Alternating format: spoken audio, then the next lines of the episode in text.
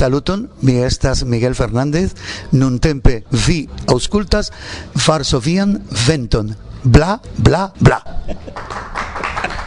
Do, mi estas pigra, pro tio mi ofte kunlaboras kun aliaj kaj uzas tekston de aliaj, ekzemple Gunnar. Ĉu vi konas alla Liberec?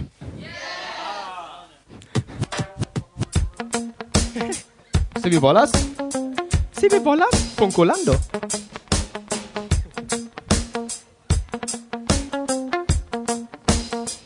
Yes, ja! Yeah. Hey.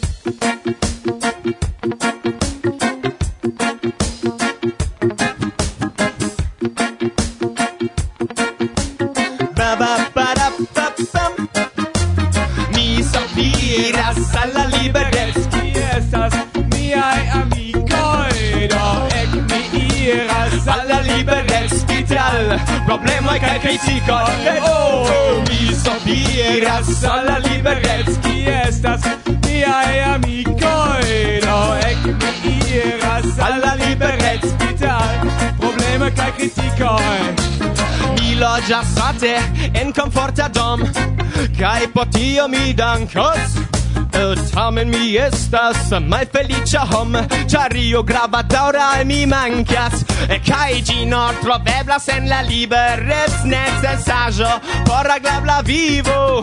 Ĝi donas ĝojon de konstanta speco, lokon al kontento kaj krivo. Aldoa mi sopiras al la liberec, ki estas miaj amikoj. Do ek mi iras al la liberec, vital problem kaj kritiko Ducio! Mi sopiras al liberec liberecki estas Miaj amikoj do ec mi iras al liberec spital Problema kaj kritikoj Ke kaj eble diras tiom longa voi Ni ne plu alvenos Sed sem restas por libera joy Nenio nin recenos Øh, Selvom man gør sig, vi fucker mis og pander svine 10 el 9 for der skaber 12 lust liberezzo e la fino attendo spin comune ni staro soni fallos ceoi mi sopiras alla liberez chi estas miai amicoi do ec mi iras alla liberez vital problemoi ca criticoi de nove mi sopiras alla liberez chi estas miai amicoi do ec mi iras alla liberez vital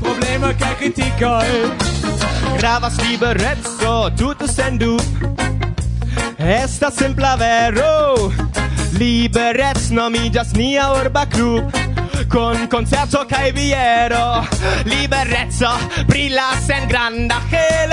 Tiene nio e ni frostos liberezzo estas nia cel. Kie ni ĉiuj kune tostas? Do mi sopiras alla liberec kie estas? Miaj amicoi. Do ec mi iras al la liberec vital problemoj kaj de nove mi sopiras alla liberec kie estas? Miaj amicoi. Do ec mi iras alla liberec vital kai. Why yo. Why yo yo yo. Why yo. Why yo yo yo. Why yo yo. Why yo yo yo. Yo. Why yo yo yo. Mi sopiras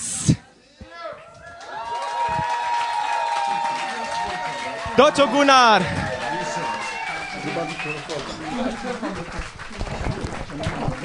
Obrigado. Jak dobrze być barankiem i wstawać wczesnym rankiem. Me, me, me, kopytka niosą mnie. Me, me, me, kopytka niosą mnie. Jus vi audis preparigion de la unu el la flegistinoi por la concerto kiun vi poste audos dum la jes, do mi ne scias ĉu vi kun kuracistoj eh, tion kantas ne. Sekuratistoj permesos al mi kanti. Tio estis nur varmigado de voĉo.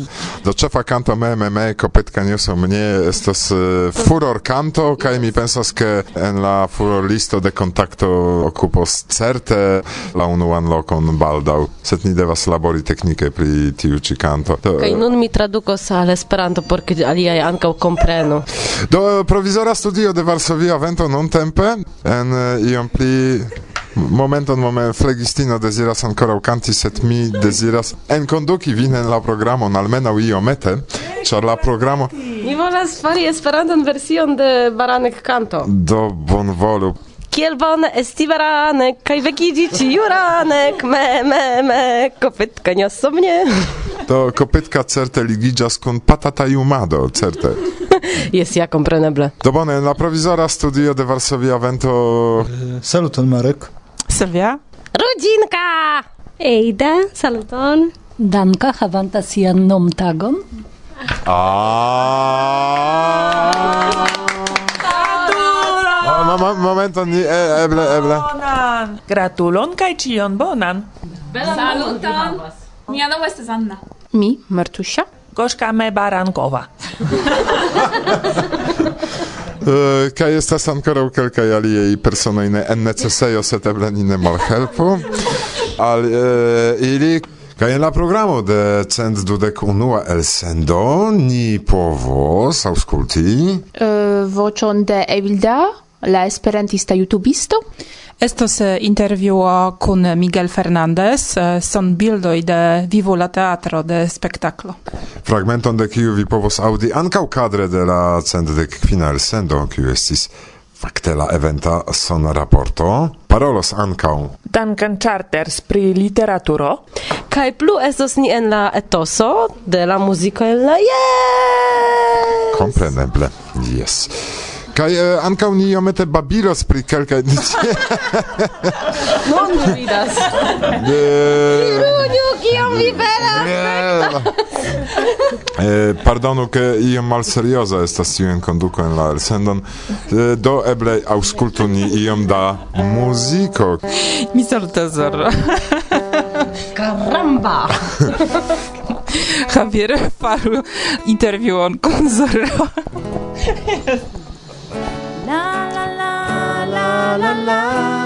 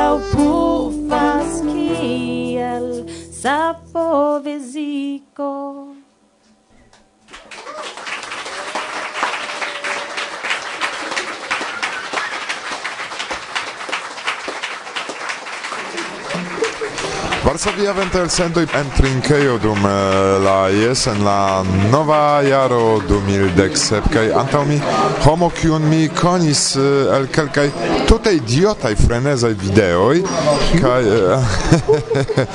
kaj tiu frenezaj filmetoj tamen varbis mian atenton kaj evidentiĝis tre interesaj saluton eh, kiu vi estas? Uh, saluton mi estas Ivo Dia. Um, mi estas uh, Esperanto YouTubisto, do kiel li jam klarigis tre bele, uh, mi faras stultaĵojn per YouTubo kaj tio plu. Kaj vi estas ne de Eŭropo? Uh, ne, mi estas de Aŭstralio. Do vidu alla jes venas homoj kiu loĝas iel malproksime por eh, filmi ĉi tie, ĉar eh, mi vidis Ricardon kiu filmis multe kaj manĝis iun fekan fiŝon kaj oh, yes. kaj mi pensas ke tiu epizodo kiun li prezentos en la reto vekos eh, grandan entuziasmon ĉe vi.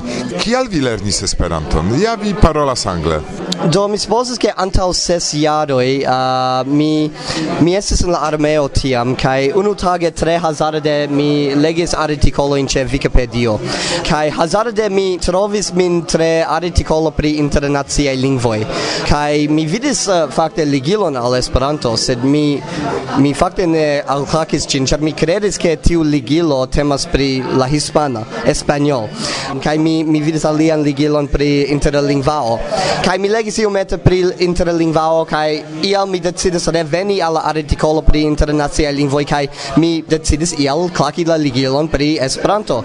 Kaj mi legis la artikolon mi eltrovis ke Esperanto havas uh, denaskulojn kaj mi pensas ah tio estas interesa afero do mi iris al lernu.net mi komencis lerni la lingvon kaj dum unu horo mi povis paroli pli Esperanton ol mi povas la japanan kiun mi studis dum kvar jaroj kiam mi estas en la gimnazio. Do mi decidis mi ŝatas ĉi tiun lingvon kaj mi simple daŭrigis miajn studojn. Kaj kial vi inventis tiun ideon uh, esti YouTube rabisto kaj krei tiujn filmetojn? Um, mi decidis uh, fari miajn YouTube-aĵojn, ĉar kiam mi komencis lerni Esperanton, estis malfacile por trovi um, filmitan materialon, ĉar mi, mi estas unu el tiaj homoj kiuj ŝatas vidi um, moviĝantajn homojn, mi supozas. Kaj ankaŭ la fakto, ke mi estas uh, aktoro, preskaŭ profesia, eh, estas ia tia, mi supozas.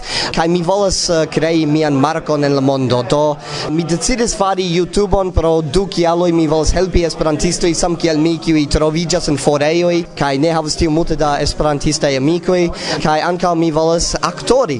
Do mi komencis fari um, nue eh, esperantajn filmojn en la angla ĉar mi volas uh, instrui al miaj anglaj amikoj pri Esperanto kaj tiam subite tiuj filmoj pri Esperanto populariĝis eĉ en Esperantujo. Do mi decidis nu eble se mi farus filmojn en Esperanto. Oni ŝatus respekti ilin. Kaj fakte tio okazis ili um, multe estis disvastigitaj kaj homoj komencis ekaboni mian kanalon kaj mi pensas nu ŝajnas ke homoj ŝatas miajn stultaĵojn do mi decidis daŭrigi ĝin ĉiutage dum jaro kaj tiam ne tiom ofte sed eble kelkajn fojojn semajne sed jes mi, mi simple ŝatas fari ĝin. Do blogo de Ricardo, YouTube blogo en priskribo de la programo Klaku kaj vidu pri kio temas vidu la lasta in filmeto i kaj ne prespektu tiun filmeton pri la sveda fisho, ĉar tio est tio tio ankaŭ mi kvazaŭ ploris eh, el feliĉo vidante vin manĝantan tiun fekan fiŝon, ĉar alie oni ne povas diri pri tiu specialaĵo sveda. Ĉu vi ŝatus iun mesaĝi al la esperantistoj en la mondo?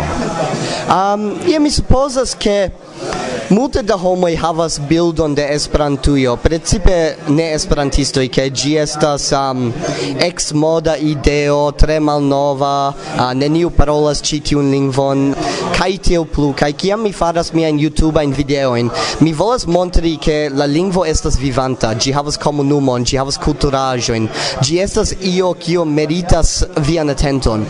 Do jen kiam mi faras miajn videojn kaj mi mi volas ke aliaj esperantistoj um, faru pli da filmoj en Esperanto, pli da muzikaĵoj, pli, pli da artaĵoj, ĉar vere nia lingvo kaj komunumo bezonas kaj volas ĝin, do tio estas mia mesaĝo. Kaj meritas tion, kompreneble.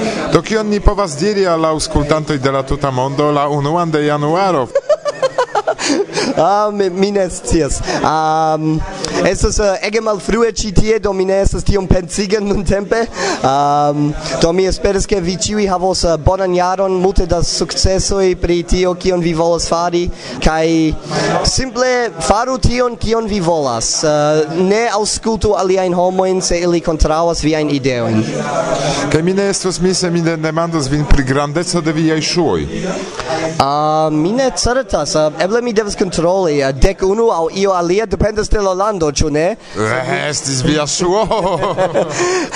Ah, mi ne scias. Um, Koran dankon fartu bone kaj eh, sen probleman revenon hejmen. Multajn dankojn.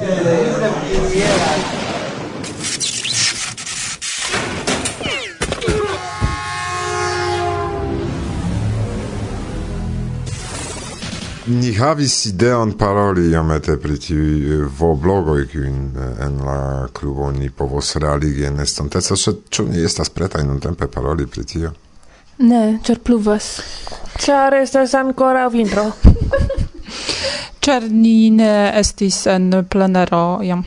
Do estas sufiĉe multe da argumentoj ke ni ne parolu nun pri tio. Bla bla bla. Bla bla bla. István Ertl, cun Catrin andau la pordo. En la pluvo exterporde, malsomere quasau norde, ni toleru nin bonorde, tondras. Se ne helpas bonintenso en cidomo de demenso, cial gravu plus en senso, hailas.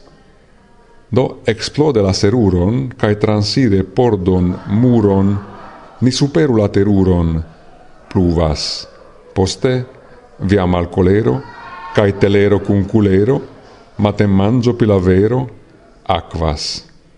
La chosilon ni forgetu, pordon, muron, ni nepetu, dube fide ni ripetu, cesas.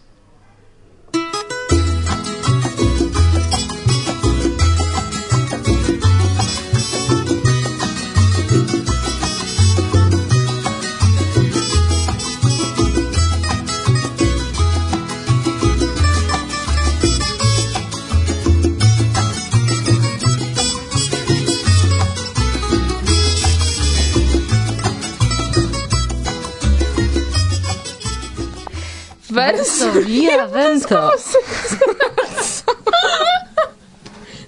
e bonvolu pli lautigi la muzikon. Bonvolu.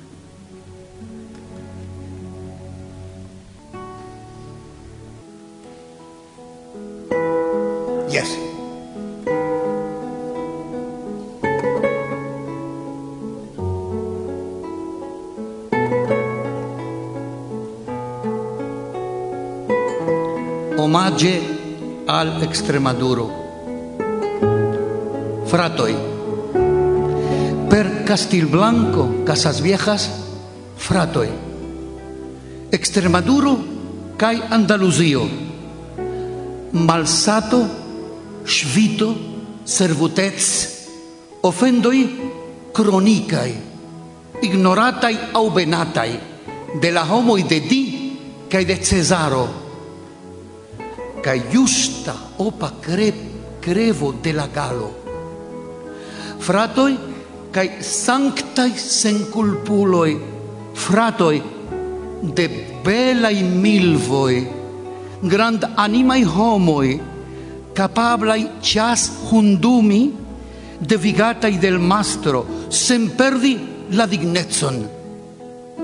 Fratoi, per la prononzo per la suda nobla cutimo calci la miseron, per blindigai rebriloi cae puregai lazuroi, per heimveoi en plei lontanai landoi, cae scia oculparo en la vera, interprintempa neggio cerisarba, cae la viviga neggio, cae la viviga ruggio, de Paprico, Caichever Davidmar, Almendralejo, Chiarigardo, Clara, Senmacula, Crochita Miasongen, el Heder al Muro, Cai la vibranta ni de que amuntoi.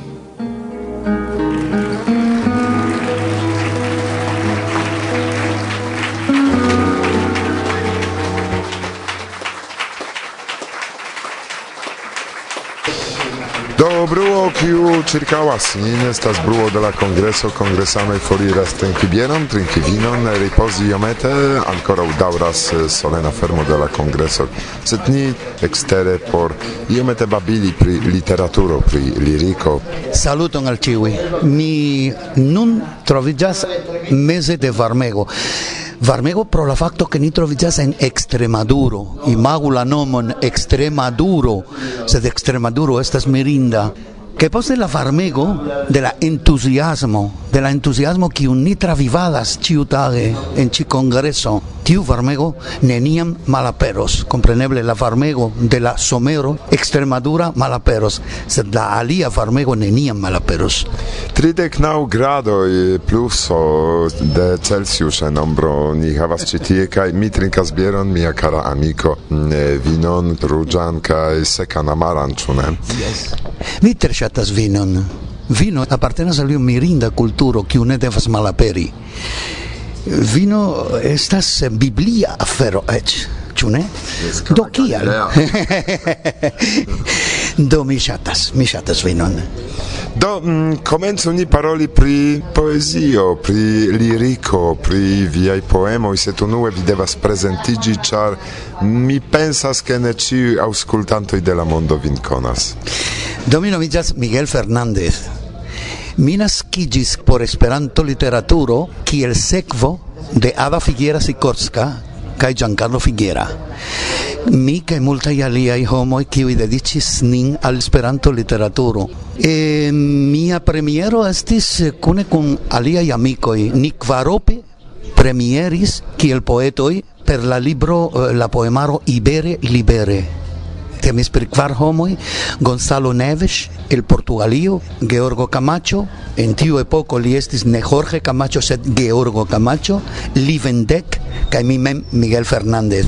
Tio estis en 1993 cadre de la mm, Valencia UCO, la tiama UCO.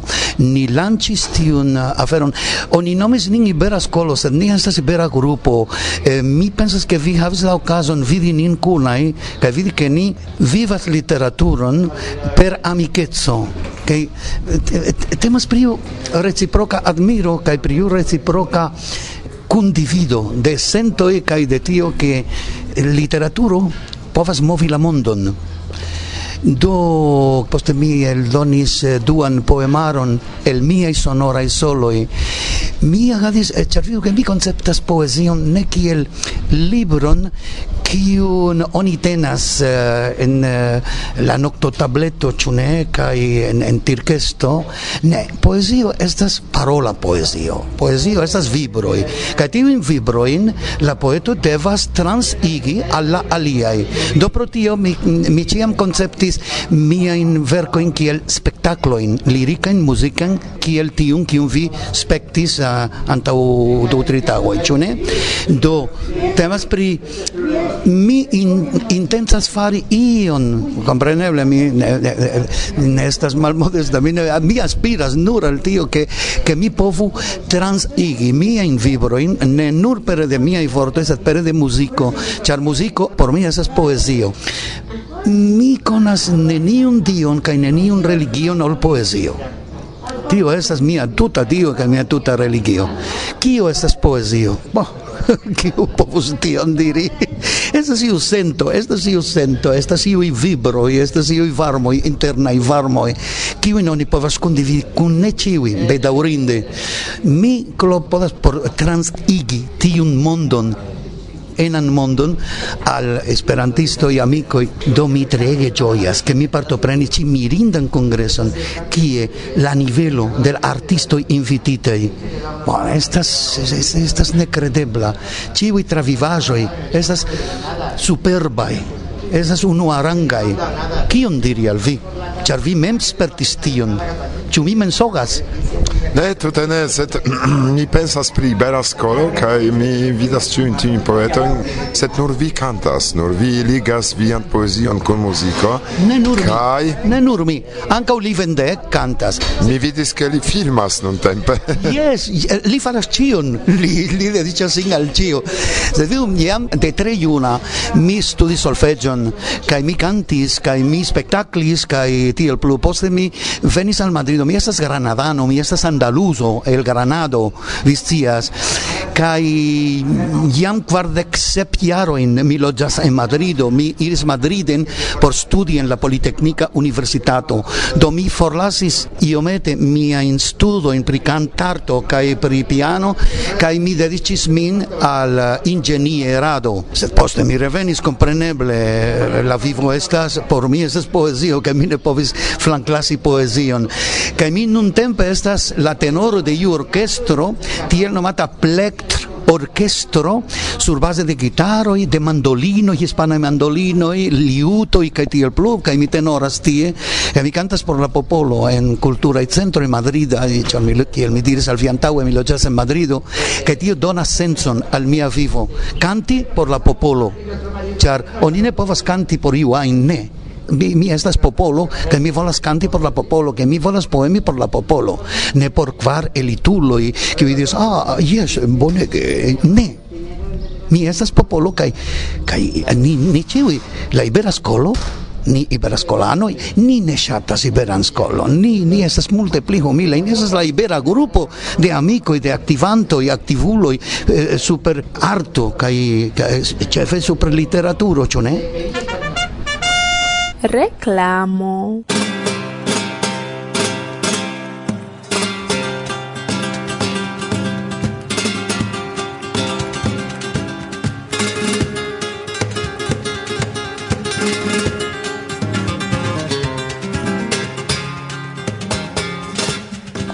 Ĉu vi scias ion pri paro de amantoj, kiuj ankoraŭ antaŭ Romeo kaj Julieta suferis tragikan historion de amo neebla? ebla?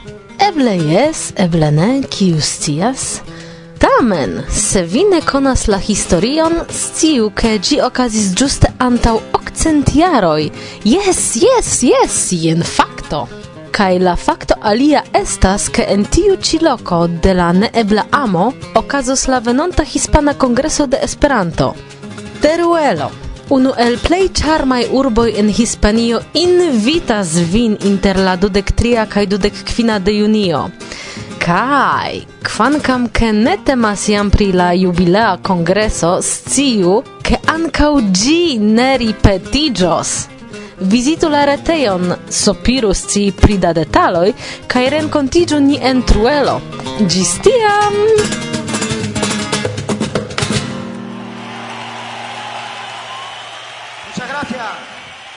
Varsovia vento.